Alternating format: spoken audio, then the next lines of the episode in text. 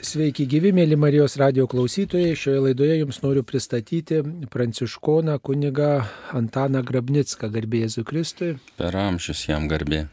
Taigi, mielas e, broli Antanai, šioje laidoje pasikalbėkime apie tai, kaip mums reikėtų skelbti tikėjimo žinę, kaip reikėtų kalbėti su netikinčiai žmonėmis. Visi mes savo aplinkoje susitinkame tokių žmonių ir tokių žmonių yra tarp mūsų giminių, tarp mūsų pažįstamų, bet turbūt mums dažnai kirba toks noras, kad jie ir yra šalia mūsų, bet taip norisi ir kad jie būtų tikintis ir kad jie Dievą atrastų nuo ko reikėtų pradėti kalbėtis e, apie tikėjimą su netikinčiais? Pirmiausia, tai aš norėčiau iškelti į suvokimą tą patį žodį netikinčiais, kokio laipsnio tas netikėjimas. Nes e, aš anksčiau buvau klaidinamas bendrosios statistikos pasaulyje, jinai žiūriu kartais vienai pateikiama, kartais kitaip. Aš neturėčiau daugelio žmonių atsiprašyti, kad dėl statistikos tos buvau suklaidintas. Pavyzdžiui, 31,5 procento iš 8 milijardų pasaulyje yra krikščionys pripažįstami. Ir buvo skelbiama, kad apie 30 procentų musulmonų. Dabar jau paskelbta 23. Jau pasikeitė statistika, va čia keletą mėnesių, nežinau kodėl. Ir buvo skelbiama, kad vienas procentas buvo netikinčių, dabar 16 netikinčių. Tiesiog nežinau, kodėl ta statistika staiga pasikeitė. Tai netikintys, o tie, kurie 16 procentų visame pasaulyje, aš jiems neturėčiau ką sakyti. Nes iš tikrųjų, jeigu jis yra netikintis, tai jis nenori nieko girdėti ir nieko tą temą kalbėtis ir pyksta, jeigu ką nors tą temą sakai. Tai reiškia, man belieka vienas dalykas - gyventi sažiningai, kad jis mano gyvenimą matydamas susidomėtų, kodėl jo gyvenimas skiriasi nuo mano. Tai ir daugiau aš nematau, ką kitą daryti. Bet žodis netikintis, kaip jūs paminėjot savo aplinkoje, at kaip atrodo tie netikintys, kurie yra šalia mūsų, čia dažniausiai būna ne tas žodis, aš jų nevadinčiau netikinčiais. Jie neteisingai tiki. Jie tiesiog, pavyzdžiui, tiki mažai žinodami apie Dievą. Jie turi tikėjimą, bet tam tikėjime visi prietarai telpa visokie neteisingi dalykai ir jie nuo tų dalykų pavarksta ir patį tikėjimą laiko va tokį nuvargingą ir skurdų dalyką. Aš jų nevadinčiau netikinčiais. Tai bet, jie, bet jie tam tikrą prasme netikintys, nes Dievo kaip tokio nepažįsta. Pavyzdžiui, yra toks labai geras žodis pradžiai šventajame rašte iš laiško žydams. Parašyta taip, kas artinasi prie Dievo, tam būtina tikėti kad jis yra ir kad jo ieškantiems atsilyginama. Matai, šiuo atveju, jeigu tokį tikėjimą kalbėsim ir šitokio dalyko netikintiems, reikia paprasčiausios katekizacijos - bendrauti ir kalbėtis, kad suprastų, kas yra tas tikrasis tikėjimas, nesivarginti daugybę prietarų, nes jeigu tikrą gyvą tikėjimą, Jėzų gyvai pažįsta žmogus, jis nesivargina su tais visais prietarais per slengščius žengimus, nesisveikina, ten visokių dalykų laikosi, jie labai daug vargsta, bet aš jų nevadinu netikinčiais, aš juos klystančiais vadinu. Tai dabar, ką aš dažniausiai iš jų išgirstu? Tai dažniausias priekaištas būna tų netikinčių, tai kodėl Dievas toks neteisingas nekaltiems žmonėms, jeigu jis yra? Pavyzdžiui, kodėl kenčia nekalti vaikai, kodėl kenčia žmonės nuo daugybės dalykų. Ir jie klausia, e, norėdami suprasti, kokia čia yra tvarka. Tai pirmiausias dalykas, kurį reiktų aš kaip suprantu, kurį tu privalau pabrėžti, kad kiekvienas žmogus turi duotą laisvą Dievo valią. Ir jis atsakingas už savo elgesį. Todėl jeigu kenčia nekalti vaikai, Dievas neteina ir nekankina jų. Aš galiu drąsiai jų paklausti, ar matai Dievą juos kankinant. Ir jeigu kiti kankina žmonės, tai mes kankinam, ne Dievas. O kalno pamoksle Jėzus labai aiškiai pasako, kad Dievas prisima atsakomybę už skriaudas patiriamas iš laisvos valios. Palaiminti persekiojami, palaiminti kenčiantys, palaiminti tyra širdžiai. Kiekvienas, kuris siekia Dievo Ir jeigu nukenčia dėl kito žmogaus laisvos valios, Dievas pasižada atlyginti ir pajėgus atlyginti. Ir čia jau tada met mes, kada kalbame, kodėl yra nelaimingų žmonių, šiuo atveju ir susidurėm su silpnu tikėjimu, nes žmogus tiki Dievą, bet mato tik tai šį gyvenimą, nematom žinybės. Ir kada matuojami dalykai tik tai šio gyvenimo atžvilgiu, o šiam gyvenime mes matom teisybės nėra. Daugybė žmonių trokšta teisybės ir mes žinom, kad miršta ir senatvė, ir kitur, ir nėra teisingumo taip, kad visi galėtų teisingai pasakyti, kad va, aš patyriau pilną teisingumą. Visi trokšta. Ir tas teologijoje ir vadinamas teisingumo troškimas visuotinė sąžinė, kuris šaukėsi Dievo teismo. Tai reiškia, šiuo atveju visi žmonės tą ir suvokia, kad bus Dievo teismas, teisingumas ateis. E, ir tada Dievas atlygina kiekvienam, kuris patyrė skriaudą dėl Dievo duotos dovanos laisvos valios. Bet tuo pačiu mus labai griežtai pareigoja būti atsakingiam už savo veiksmus. Nes tai ir išaukštinimas, ir atsakomybė per laisvą valią. Nėra sudėtinga kalbėti šią temą, nes jeigu žmonės kalbasi, Jie trokšta Dievą pažinti ir labai mėla su jais kalbėti. Tai reikia tik tai tą aiškumą įvesti. Daug sunkiau yra kalbėtis su tais netikinčiaisiais, kurie neturi troškimo Dievo pažinti. Jie neieško. Nes tas, kuris klausia, kodėl Dievas tarsi leidžia kentėti, jie ieško. Bet man yra tekę išgyventi daug skaudesnių dalykų.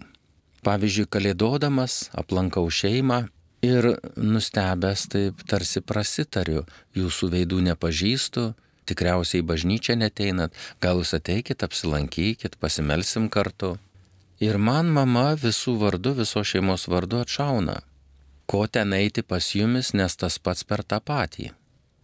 Ir aš, pavyzdžiui, 30 metų kunigystėje tokios minties niekad negirdėjau, netėjau galvą, niekad to nebuvo. Man tikėjimas buvo kaip kvėpavimas, kaip širdies plakimas, kaip kiekviena stiklinė išgerta vandens ir aš nesakau, kad tas pats per tą patį. Ir man tai buvo toks šokiruojantis dalykas, aš nesuvokiau, kaip žmogus tą gali pasiekti, išgyventi tokį dalyką, nesuvokiau priežasties, kodėl taip. Ir aš labai ilgai melžiausi ir prašiau Dievą atskleisti tą suvokimą. Ir nieko, niekad neradau jokių knygoje, kiek skaičiau, niekur.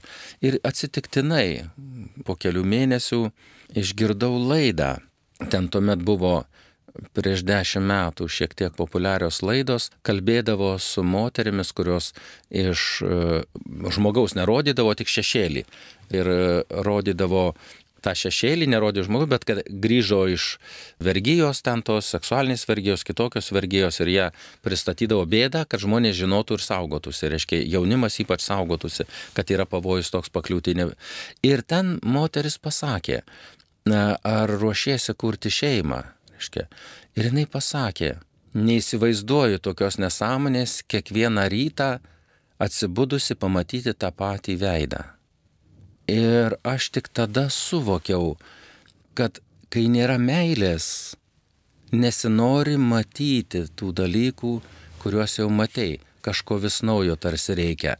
Taip Dievas man akis ir atvėrė, kai nėra meilės, mes netrokštame susitikti, nenorime matyti, nenorime savęs atiduoti ir neieškom, kad kitas pasišvestų. Va, ir tada suvokiau ir tą skausmą, kuris to šeimai buvo. Mišiuose tas pats per tą patį. Reiškia, nėra ryšio su Dievu, nėra ne tik tai, kad to atitolusio ryšio, bet iš vis jokio ryšio, nėra ilgesio Dievą pažinti ir tuomet žmogus yra dideliai bėdoj, nes jis lieka tik tai įpročių ir instinktų laukia. O tai yra labai skausmingas gyvenimas. Ir man tai skausmingiausia būtų tai pripažinti, bet aš jau krikščioniškoje literatūroje radau tokius žodžius, kad pats nelaimingiausias žmogus pasaulyje būna netinkintis kunigas, kuris, pavyzdžiui, turėtų atlikti religinės praktikas, o širdimi Dievo nešlovintų. Tai būtų pats sunkiausias dalykas. Bet manau, kad lygiai tas pats sunkumas yra ir su visais, kurie neturi ryšio su Jėzumi ir tuomet jie kenčia atlikdami tam tikrus veiksmus dėl to, kad išvengtų kažkokio pavojaus, ar tai daro dėl meilės, dėl kažkokio atsargumo, nežinau tų minčių. Tai tas vat suvokimas šitos situacijos ir dabar prabilti netikinčiam, aš iš Jėzaus žinau vieną, kad Jėzus sakė, kai nepriima jūsų, nusipurtikite net dulkes nuo kojų ir palikti juos jų pačių atsakomybei. Va, bet ką daryti, jeigu yra šeimos narys toks, kuris nenori priimti? Šiuo atveju gerbti jo pasirinkimą. Aš kito dalyko nematau. Gyventi pagal sąžinę ir gerbti tą žmogų, jo pasirinkimą. A, ką aš daugiau galėčiau pasakyti? Pagal Šventą Pranciškų tai tokie žodžiai yra pasakyti. Eikite ir skelbkite Evangeliją. Ir jeigu reikia, būtina, tai ir žodžiais. Tai reiškia daug svarbiau skelbti Evangeliją gyvenimu, o ne pačiais žodžiais. Turbūt netikintis žmogus labai vertina tą buvimą draugiai ypač tokiu sunkiu momentu, kritiniai situacijoje, kai tai aplanko ir gal nieko tikrai nesako, bet būna šalia, ištiesia pagalbos ranką, kokią tuo metu reikia. Na, teko girdėti vieną tokį liūdėjimą, kai, iškiai, žmogaus netikinčio žmogaus mama sunkiai susirgo ir mm, mirė.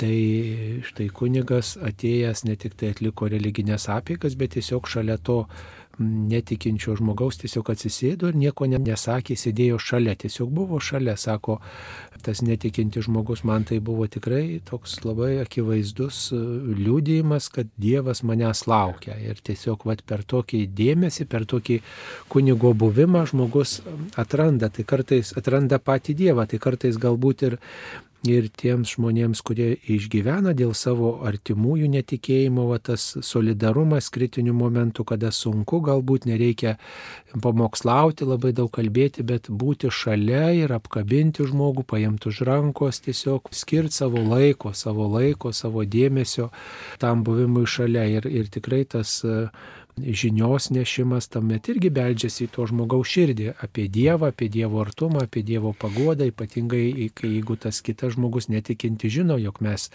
tikintis, jog mes melžiamės, jog mes lydėm tą žmogų, tai va tokių situacijų turbūt mūsų gyvenime gali pasitaikyti dažnai. Taip, aš kiekvienam žmogui, jeigu ši tema pasitaiko, visada pirmiausia kviečiu mokytis būti. Neaiškinti, netvarką daryti, bet būti su savo šeimos nariais, su vaikais, kad mes išmoktume išgirsti pirmą. Nes dažniausiai mes galvojam, kad pokalbis, kaip ir maldoji, žmonės galvoja, kad pokalbis tai poterių kalbėjimas Dievui. Ne, Jėzus sako, dar jums neprašius, tėvas žino, ko jums reikia. Reiškia, kas mane myli, laikysis mano žodžio. Tai kaip gali laikytis, jeigu neklausai? Tai vad pirmiausia, klausytis reikia. Tai va tas būti ir būtų klausimasis. O klausimas ir būtų meilės parodimas. Buvimas kartu, leidimas laiko, kaip jūs sakot, kartu gyvenime kelionė kartu čia šiuo atveju gaunasi dvasioje pakeliui buvimas kartu. Mano pirmas susimastymas šią temą buvo pateiktas e, tėvo Stanislovo. Man jo žodžiai, mes atlikdavom pas jį tarybiniais laikais rekolekcijas. Ir aš pranciškonų dalinai tapau dėl jo išminties žodžių, dėl jo buvimo, pavyzdžiui, kada aš nuvažiavau pas jį, ir mačiau, kaip jisai ne eilė raštukų prašo iš vaikų po pirmos komunijos, bet melčiasi su jais po pirmos komunijos kartu su jais, kalba maldas ir būna su jais. Tai nu, buvo priešiškas dalykas negu visur kitur. Ten, tai man tas labai imponavo, bet jo pagrindiniai žodžiai apie buvimą. Jis sako, aš baigiau seminariją ir mane kaip kuniga pasiuntė pas moteriškę, kuri dėl sanarių skausmo, dėl uždegimo, nevaikščiojo ir gulėjo didžiąją dalį praleisdavo glovoje, kartais ten ją pasodindavo ir panašiai. Ir sako, aš baigęs teologiją, atėjęs pas tą kenčiančią moterį nuo sanarių skausmo, nuo nuodų, jai aiškinu, kad reikia savo skausmą aukoti Dievui, kad pašvesti save, kad šitos dalykus tiesiog kaip teologiškai priklausytų. O ta moteriškė man sako, aš esu laiminga, Aš pažvelgiu per langą, matau žiedus, girdžiu paukščių čiulbėjimą ir aš esu laiminga. Jis nieko netrokšta ypatingo, bet moka džiaugtis tuo, ką turi. Va, ir tuomet tėvas Stanislavas tą e, man ir pasakė, aš iš jo išgirdau, kad teologiniai dalykai mažiausiai reikalingi kartais tokioj situacijoje ir nuo jų nereikėtų pradėti, nes e, svarbiausia išgirsti, ko žmogui reikia, o ne tai, ką mes norime iš savęs pasakyti, nes kartais galim nepataikyti tiesiog. Na, va, priminė tokią situaciją, kai aš savo pastoracijos pradžioje turėjau pakvieti pas ligonį, mane į ligoninę ir tikrai kai kurie ligoniai noriai priima ateinantį kunigą, kiti taip jau taip žiūri iš tolo, o man tą kartą pasitaikė, kad artimieji norėjo, kad kunigas aplankytų tą ligonį, bet pats ligonis jokių būdų nenorėjo ir pamatęs kunigą jisai tiesiog nusigrėžė nuo manęs į sieną. Ir dabar galvoju, ką man daryti, reiškia, tai mm, aš tiesiog, nu taip, keletą ten frazių tokių nerišlių pasakiau ir man tiesiog nejauku ir mm, jis tiesiog, tas žmogus, nu, tiesiog rodo, kad nenori bendrauti su manim. Nu, tai sakau, atsiprašau, kad aš čia jūs trukdau, kad užsukau, sakau, o įdomu būtų sužinoti, kokia jūsų profesija. Nu, ką per gyvenimą, kokį darbą turėjote, kokioje srityje darbavotės, viską, nu, jis taip... Uh, žinot, taip, kaip čia pasakyti, tokio atbulais dantim, žinot, iškošė pro dantis sukastus beveik, taip tiesiog numetė kaip kokį kaulą, e, tą profesiją įvardino, žinot, ir, ir maždaug atstoktų čia. O, sakau, labai įdomu, nu, va, aš ten dar kažką paklausiau, sakau, bet ir turbūt ir pomėgį turėjot viską ir kažkaip žmogus, va taip, sakinys po sakinio pradėjo šilti. Nu ir kažkaip, nu, va, net netikėta, bet pradėjo kalbėtis. Ir nuo sienos atsigrėžė, užuot pasakęs dink iš akių, ko tu čia mane tardai, bet tiesiog va taip sakinys po sakinio pradėjo kalbėti ir papasakojo, ką, ką dirbo, kokį pomėgį turėjo ir, ir iš kur atvažiavęs ir, ir viską. Ir dar ten tokių kitų šalutinių, tokių atrodo nereikšmingų dalykų. Ir taip mes tikrai labai ilgai kalbėjomės. Ir paskui po kiek laiko jau aš galvoju, čia ir viskas ir baigėsi, jau mes pasikalbėjom. Nu, nors tie galvoju, toks bendravimas išėjo. Ir aš apsisukau eiti ir, žinot, jisai sako, nu tai čia turbūt atėjot dėl išpažinties, ne?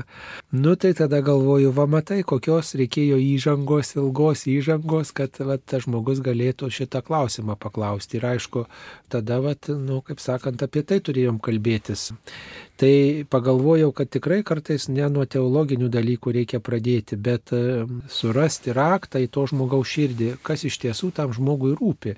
Ir turbūt vat, mūsų klausytojai, kurie turi netikinčių vaikų, netikinčių anūkų, netikinčių šeimos narių, apie tai turėtų daugiau pagalvoti. Neversti melstis, bet, bet pagalvoti, o kas tiem žmonėms rūpi ir turbūt įeiti į jų rūpestį, į jų pasaulį, jų istoriją, į jų situaciją, pasidomėti ir galbūt per tai gal ir pavyktų Dievas duotų tokią malonę, žmogus surastų dialogą ir kažkaip pavyktų susijęti su tikėjimo dalykais. Jeigu kalbant iš mano patirties taško, tai mano supratimu yra dažnai elgiamasi spontaniškai, neteisingai pasirenkant kryptį bendravimo. Pavyzdžiui, ligonis yra namuose, Ir tikinti žmonės dažnai sako, va, jau atėjo laikas Velykiniai, e, atlik išpažinti. Mes puikiai visi suprantam, kad e, padaryti sąžinę sąskaitą, pasiruošti išpažinčiai nėra taip lengva. Yra tam tikras rūpestis, sunkumas. Ir sergantis žmogus dar labiau vargsta, nes jam sergančiam dar sunkiau negu sveikam. Ir dažnai tie žmonės pasako, aš kaip pasveiksiu nueisiu. Reiškia, tą ruošimąsi nukelia, kai bus stipresnis. O kiti supranta, bet negali sakyti, kad tu, kažin, ar būsi stipresnis. Ir dažniausiai prasideda vertimas, vat, e, tas spaudimas. O čia reiktų priešingai neversti, o pasisiūlyti, pabandykim pamastyti apie pasiruošimą išpažinčiai. Nesakyti, kad tu eik Iš vis to žodžio neištarti. Žmogus pats sprendžia, ar eiti ar neiti iš pažinties, ar kviesti kunigą ar ne. Bet tiesiog paskaitykim maldas prieš išpažintį, paskaitykim maldą knygę, kaip reikia ruoštis. Ar vaikui, paaugliui, tas pats. Man, pavyzdžiui, paaugliui buvo labai sunku ruoštis išpažinčiai. Ir vietoj to, kad verstų, pavyzdžiui, kartu paskaityti tas maldas, būtų didelis palengvinimas. Ir po to kaip paruošta, nesunku ištarti, dabar jau gali pakviesti kunigą, nes pereita ta sunkioji dalis kartu. Tai va tas būti, šiuo atveju reiktų tam sunkiausia dalis yra pasiruošti ir joje reiktų mokytis būti, o ne rezultate stengtis būti, kaip kartais mes torokštam rezultato. Tai mano toks supratimas yra pagal patirtį. Dar vienas iš argumentų apie pokalbį su netikinčiaisiais yra tos tvarkos išvelgimas e, kūrinyjoje. Daug kas pasitelkia tokius įvaizdžius, pavyzdžiui, sako, jeigu aš būčiau Dievas, sugalvočiau kelis paukščius, vieną didelį, kitą mažiuką, kitą labai didelį, sako, o pažiūrėkime į paukščių įvairovę, kad yra tokių mažų paukštelių, pavyzdžiui, kolibris, ar ten dar mažesnis kažkoks padarėlis, krusdėlė, o jo, jo viskas taip harmoningai sudėta ir sako, argi galėtų taip viskas chaotiškai atsirasti, tai galbūt yra kažkokia jėga, kažkoks protas, aukštesnis protas, kuris tokią tvarką įdė įdėgė, kuris e, tokią tvarką paliko ir ta tvarka jinai, nu, vat, eina metai po metų, kartai iš kartos, na, vat, perimamos savybės, perinami bruožai arba, pavyzdžiui, maža sėkla, o joj yra visas medis ir tą sėklą reikia atsidurti tam tikroj terpėje, grunte tam tikram ir iš jo išauga galingas medis. Va. Tai sako, kaip taip gali būti, juk vis tiek tai yra kažkokie dėsniai, kažkokia sistema, nėra čia atsitiktinumas, bet yra kryptis kažkokia, sako, ar nebus tai tikrai kažkieno sugalvota. Ir, ir va taip bando tokiais argumentais, na, paliūdyti Dievo, Dievo kaip asmens įsitraukimą į šitą e, pasaulį. E, šiuo atveju tai turiu tam tikrų nuoskaudų bendravime su kai kuriais ateistais, kai kurie, kai taip teigia. Mano supratimu, mokslas ir religija niekad jie negali susikirsti, kai bėgiai einantys šalia vienas kito, nes jie nagrinėja skirtingas temas - mokslas medžiaginį pasaulį, O mokslu empiriškai tyrinėti dvasę mes nepajėgus, nes prietaisai dvasios neturi ir jos apčiopti negali, tik žmogus ją nujaučia. Matai, ir mokslas yra visos kūrinijos, Dievo kūrinijos pažinimas. Ir nesvarbu, kokiu būdu mes pažinsim, ar chemiškai, ar pagal fizikos dėsnius, ar pagal kitus, bet tai yra tikslus, aiškus dėsniai, kurių mes negalime nei paneigti, nei naujų išrasti. Tai jie yra tiesiog yra ir mūsų mokslas yra pažinimas to pasaulio. Bet iš kur jie Bet, atsirado va, tie dėsniai, ta tvarka? Kalbu, apie tą ir kalbu, kad tie dėsnių buvimas ir rodo, primena Dievą, tą protą, kuris tos dėsnius davė. Nes mes negalim nieko sukurti iš nieko, ir nieko negalim pakeisti. Mes tik mūsų darbas ir yra atpažinus tuos Dievo dėsnius nustatytus jais naudotis. Dabar pratesiu tą mintį, dėl ko aš esu nuoskaudų patyręs. Man skaudžiausia e, išgyvenimai yra tie, kada ateistai tikėjimą pakiša vietoj mokslo ir vadina tai mokslu skaudžiausias momentas. Pavyzdžiui, tikras mokslas tai yra, kada e, empiriškai studijuoji ir tą dalyką pakartot gali ir įrodyti ir panašiai. O dabar pasako, pavyzdžiui, kažkokį hipotezę. Bet tai hipotezė nėra mokslas, tai yra tikėjimas. Ir vadinti jį mokslu negalima. Ir kodėl aš tada turiu hipotezę tikėti ir vadinti mokslu? Va tie dalykai man visada skaudžiausia. Nes e, kada žmonės apgaunami, vietoj e, tikro mokslo pakišama hipotezė, tikėjimas. Ir kodėl tada man tikėti, kad prieš kažkiek tai metų atsirado prieš milijonų metų beždžionė, kada mes to fakto negalim nieko įrodyti. Nes e, Dievas mums aiškiai sako, kad pasaulį sukūrė iš nieko, o žmogų iš esamos medžiagos. Tai reiškia, žmogumi tampama buvo nevystimosi procese, o kada gavo sielą, dvasinę prigimtį. Ir tie dalykai negali kartotis, nes dabar nėra siela niekam suteikiama. Tai reiškia, mes negalim tų dalykų įrodyti. Ir viskas bus tik tai hipotezės, išvedžiojimai. Galima atsekti pėtsakus, bet negalim atsekti dvasinio proceso. Nes žmogus niekaip negali pasverti sielos mes suvokiam, kad jinai yra. Bet e, prietaisais pamatuoti sielą neįmanoma. Nemateriali.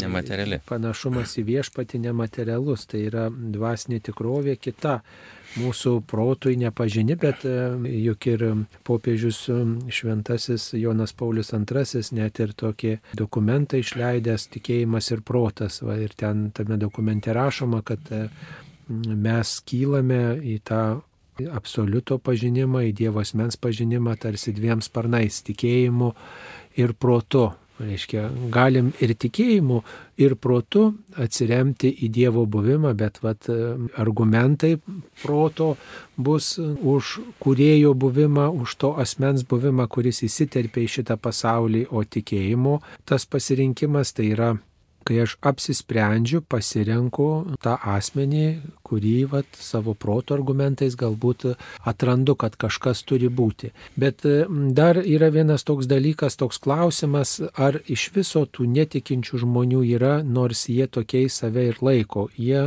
vis tiek į tą pagrindinę vietą, į tą pradžią kažką stato, nu, at, į tą pirmojo judintojo vietą arba į tą nu, va, pirmosios priežasties vietą, kaip Aristotelis sakytų, reiškia į tą, iš kur viskas atsiranda į tą vietą, kaip į tą klausimą atsakys, arba kas nu, va, yra tas esminis dalykas. Tai įrodo, kas yra esminis dalykas gyvenime. Va, ta, ta esminio to dalyko buvimą paliudyja net ir mūsų linkėjimai. Štai nauji metai būna ar kažkokios šventės, kai žmonės linki ir, na, va, yra tas linkėjimas to laimės, sveikatos, tobulumo, ramybės Ar tai nėra tas net ir netikinčiuose žmonėse gyvenantis dangaus troškimas, juk akivaizdu, kad čia nebus nei tos tikros veikatos, nebus nei tos pilnos laimės, nei tos ramybės, nei, nei to nieko, tai tiesiog žmogus save savotiškai uždaro į tam tikrą tokį aš linkiu to, ko čia žemėje nebus. Į tokią apgaulę, ne kad čia žemėje juk šito nepatirsi, bet dangui tai tas išsipildys, mes tikinti žmonės žinom, kad dangui tai pasieksim tą pilnatvę, kurios čia žemėje linki visi, net ir netikintis. Ar tai nėra tas, na, tas toksai kaip čia pasakyti, ženklas, kad visuose žmonėse yra tas absoliuto troškimas, pilnatvės troškimas, tik tai mes skirtingais būdais, nu, vat, prie to artėjame. Dievas mums kalba apie save, iš kur mes žinom, kad Dievas yra. Mes protu, nei jokiam priemonėm Dievo nei aptikti negalim, negalim nei pasinueiti, nei tiesiogiai kalbėtis, jeigu nenorim, nėra noro, reiškia, viskas vyksta Dievo pastangom pirmiausia. Tai, tai reiškia, jokios galios nepajėgios mums Dievą atskleisti, bet kada mes trokštame Dievą sutikti, jis leidžiasi randamas. Tai ir tokiu būdu jis yra be galo daug užuominų, palikęs įvairiam moksliniam lygiai žmonės studijuojančius Dievo kūrybą. Pavyzdžiui, mažiausiai mokslo pasiekusius žmonės Dievą save primena, pavyzdžiui, vėjų. Mes žvelgdami per langą vėjo nematome bet galima aiškiai žinoti, kad vėjas yra, kai judina šakas ir lapus. Mes žinom iš pasiekmių. Reiškia, nematom, bet iš pasiekmių sprendžiam. Lygiai taip pačiai mes daugybės dalykų nematom, radio bangų ir kitų dalykų. Ir jeigu nematom, tai negalim sakyti, kad aš nematau, tai ir nėra. Bet galiu žinoti pasiekmes ir veikimą. Ir dabartiniam, pavyzdžiui, moksliniam lygiai Dievo vėl nauja užuomina duota akivaizdžiai prabilo mokslininkai, kad e, dėka tų naujai iškeltų teleskopų, kurie stebi visatą jau virš atmosferos iškilusių, pastebi, kad e, regima visata sudaro tik maždaug 5-6 procentus, o yra neregimoji visata, ta vadinama juodųjų skylių masė, kuri ir laiko visą visatą, kad neišsilakstytų į šonus, nes jinai labai greitai išplistų. Ir kada jinai dėsningai sukasi, dėka tų dalykų, kurių žmonės anksčiau net nesuvokė, kad gali būti. O dabar kalbam apie tą juodasias kilės, tą didžiąją masę, didžiąją dalį visos visatos. Ir tie dalykai vėl primenamas Dievas. Mes jų nematom, bet pasiekmes suvokiam. Proto Dievo duoto proto užtenka atpažinti. Taip ir visuose dalykuose mes, jeigu Dievo duoto proto naudojamės, galime atpažinti Dievo veikimą, jo pėtsakus. Tai aš tokiu būdu ir suprantu, kad į kiekvieną e, žmogų Dievas kalba.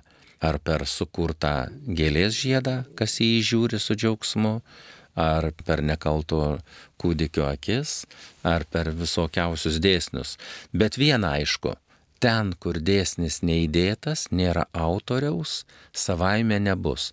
Pavyzdžiui, galėtume pilstyti kokią toną ar, ar 20 tonų smėlio, pakeliam į viršų ir metam žemyn.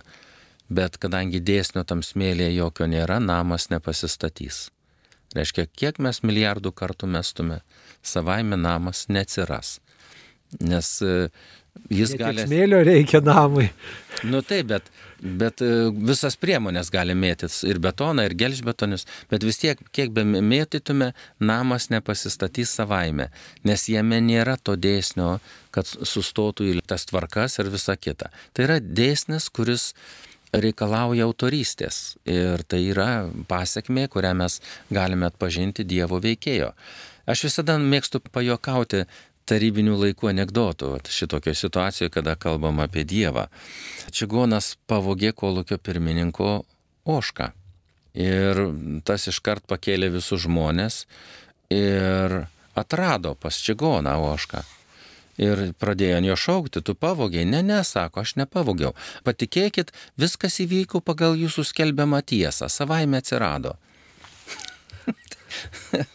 mes tas... Nebuvo oškos ir atsirado. atsirado. Tik tai, jo, taip, į tą išbraukė, kad kažkas turėjo tam savai miškumui padėti. padėti. Dar vienas dalykas, kuris e, irgi rodo, kad e, žmonės e, tiki, tik tai neįvardina, tai yra prietarai. Laidos pradžioje ir iš jūsų lūpų prietarų tema nuskambėjo. Daugybė žmonių netiki, kad Dievas yra, bet labai lengvai tiki prietarais. Nu, pavyzdžiui, beldžia į bedį, kad kažkas neatsitiktų, perbėgo katinėlis per kelią, tai tuoj pat vėl kažką daro, ten susitinka kažkokį žmogų, tai va sako, seksis, nesiseks, labai mielai paskaito horoskopus, dar kažką, nors atrodo, jie nelanko bažnyčios, nesimeldžia ir tokio dalyko kaip tikėjimas net negali į savo širdį įsileisti, bet kažkodėl pat priima, kad e, tai veikia, va tie visi prietarai burtai. Tai vadinasi, net jeigu žmogus save deklaruoja netikinčių, bet kažkodėl yra atviras vat, tai tikroviai, kuri nu, vat, tokiu būdu gali būti suvaldoma. Kas čia yra? Kiek aš prisimenu teologijos studijų, dabar negalėčiau detaliai pacituoti, bet tai buvo įvardinta, kad kiekvienas žmogus savo vidumi, savo protu suvokia, kad yra aukštesnė būtybė už žmogų ir tas suvokimas jaučiamas visa prigimtimi. Ir e, šiuo atveju, ką aš iš patirties kaip kunigas galėčiau įvardinti, tai žmogus, kuris nesišaukia Dievo pagalbos, jis daugiau girdi ne Dievo balsą, bet gundytojo. Ir prietarai, mano supratimu, tai yra tiesioginis pasidavimas gundytojui, nes tuomet žmogus vargsta tarsi tikėjimo dalykuose, bet negauna to Dievo palaiminimo, kurio tikisi nes jisai vargsta dėl kažkokių tai elgesių, pasižiūrėjimų į vieną pusę, į kitą pusę per kelią mes tai turim žiūrėti, kad mašina neužvažiuotų. O nuo to pasižiūrėjimo ten namuose į kampus, kaip žiūri kažką aiškina man, tai nu, kas ten pasikeis nuo to. Jie tiki, kad yra kita tikrovė, kuri turi man reikšmės ir aš tą tikrovę galiu kažkaip valdyti arba prisidėti, kad jinai būtų man vienai par kitai palankė. Vat, yra vis tiek tas tikėjimo matmuo, tik tai ne Dievo asmeniu, bet kažkokiom galiom, kažkuo, kas gali turėti man kažkokios įtakos, bet vis tiek yra tas, tas atvirumas anapusybei kažkoks, ne tik tai gal jis neteisingai. Taip, aš tuo ir tikiu, kad, kad žmogus suvokia dvasinio pasaulio buvimą ir savo prigimtimi, bet tiesiog nesiklauso paties Dievo, ką jis kalba apie save. Ir tuomet spėliodamas e, žmogus klaidžioja. Aš taip visas religijas e, aiškiai suvokiu. Pavyzdžiui, visose religijose yra Dievo siekiama iki nirvanos, ten ieškoma Dievo. O krikščionėms yra daug paprasčiau. Kristus ateina ir vedasi mus, tik tai reikia jo klausytis. gal ieškojimas to ryšio tik tai reiktų įvardinti, bet paties Dievo mums nereikia ieškoti, nes jis ateina prie mūsų, tai reikia tik tai išgirsti, kiek jisai kalba aišku, tą išgirsti Dievo kalbėjimą, Dievo mintį perskaityti arba priimti, tai yra ne tik tai turbūt žmogaus pastanga, bet ir tam tikra dovana. Juk gal viešpats tiesiog dėlse, kol tas žmogus subręs, gal ne visi vienodų laikų yra tinkamai pasiruošę priimti apreiškimą, priimti žinę apie Dievą. Gal vieniems reikia tikrai išbraidyti kažkokius šunkelius ir, ir sulaukti gilios senatvės, kol jis pasakys, taip Dieve, tavim tikiu. O, o kitas žmogus, na, va, nuo kažkokios nelaimės Dievą priima, kitas gal jaunystėje priima iš tėvų, kai pradeda šeimininį gyvenimą kurti, būti savarankiška, supranta, kad ne viskas jo valiu, kad reikia prašyti pagalbos pas tą, kuris, nu, va, yra gyvenimo ir mirties viešpats, kuris yra kuriejas ir aš čia vienas visko nesutvarkysiu, vat, gal skirtingos tos situacijos, bet e, turbūt ir žmogus, nu, vat, skirtingai pasiruošęs būna priimti Dievo asmenį. Katekizme, aš labai džiaugiuosi, kad yra katekizme toks punktas, kur sakoma, kad Dievas visais atvejais pirmas beldžiasi į žmogaus sielą. Ir bet koks mūsų elgesys, mintis apie Dievą yra jau mūsų atsakymas į Dievo beldimąsi. Ar aš daugiau dedu pastangų Dievą išgirsti ar mažiau. Tai vad kaip jūs sakote, kiekvieno momento reikia, tai gal čia to momento sukrėtimo reikia, kad žmogus pradėtų klausytis Dievo. Bet Dievas beldžiasi vis tiek į kiekvieno širdį. Taip katalikų bažnyčia moko ir aš tuo esu labai stipriai įsitikinęs visų savo gyvenimo patyrimu kiekvienoje situacijoje kas yra, nes mes visada negalim būti pirmesni už Dievą jis trokšta mūsų atsiliepimo į jo meilę, nes mūsų žmonės jisai sukūrė meiliai. Bet turbūt labai teisėtas tas tikinčio žmogaus noras ir galų gale mes nuo krikšto turim tą įsipareigojimą, kad e, Evangelijos žinę paskelbtume visiems ir apie tikėjimą bylotume. Gal jūs žinot kokių pavyzdžių sėkmingų, kaip pavyko kažkam savo ar kantrybę, ar pavyzdžių, ar, ar tarnystę paliudyti tikėjimą ir vat priėmė kiti žmonės tą tikinčio žmogaus liūdėjimą ir tai buvo paskata dėti pastangas atrasti viešpatį.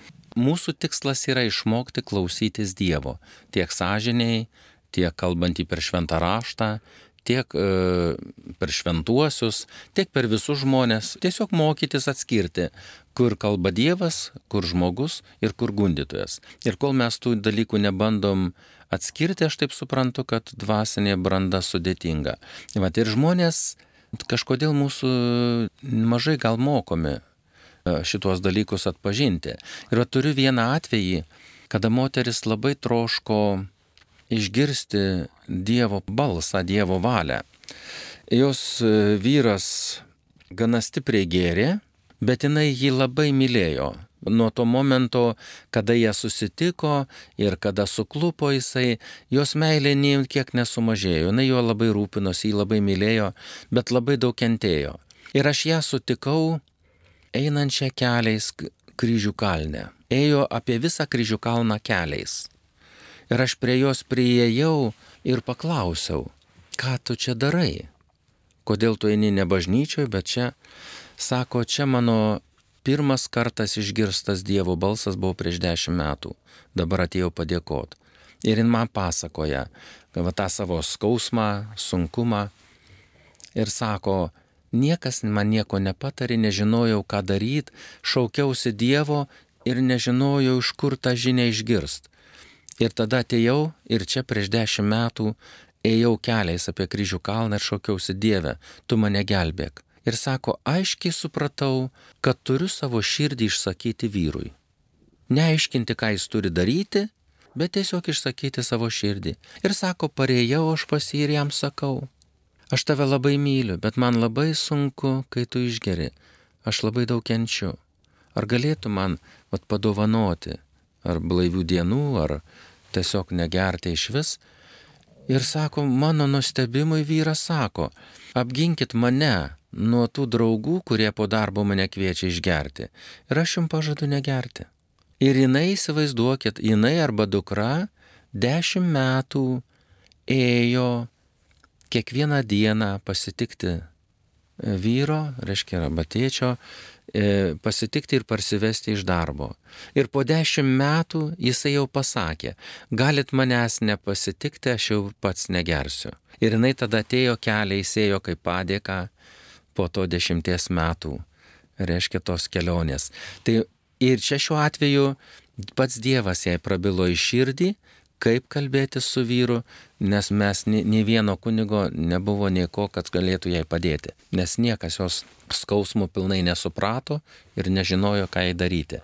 Tai vienas iš svarbiausių dalykų, ką aš iš jos liūdėjimo išmokau, kad mes turim kalbėti ne ką kitas turi daryti, o tai išsakyti, kas mumise dedasi, kiek mes kenčiam, kad kitas žmogus išgirstų ir Dievas galėtų per sąžinę jam priminti, kas vyksta. O kai mes nurodinėjom, ką turi daryti dėl laisvos valios, visi jaučia, kad jie laisvi ir nesikiškite į mano gyvenimą. Ar tai būtų priklausomybė žmogus, ar tiesiog būtų nerūpestingas dėl jaunystės. Aš manau, tai visiems tas pats. Mėly Marijos radio klausytojai, šioje laidoje kalbėjome apie patirtis, kurias e, mes visi turime, apie susitikimą su netikinčiai žmonėmis, kuriems norime tikėjimą paskelbti. Taigi Tai tikėjimas yra didi dovana, o mums belieka teikti artimo meilės liūdėjimą ir uoliai melstis, turėti kantrybės ir išminties, ištvermės, būti šalia netikinčiųjų ir nenustoti vilties, kad vieną dieną viešpats prabils ir žmogus atsilieps ir bendradarbiaus su Dievu. Šioje laidoje jums kalbėjo kunigas Antanas Grabnickas, pranciškonas, įkalbino aš kunigas Saulis Bužauskas visiems gilaus tikėjimo, ištvermingos maldos. Ačiū sudė.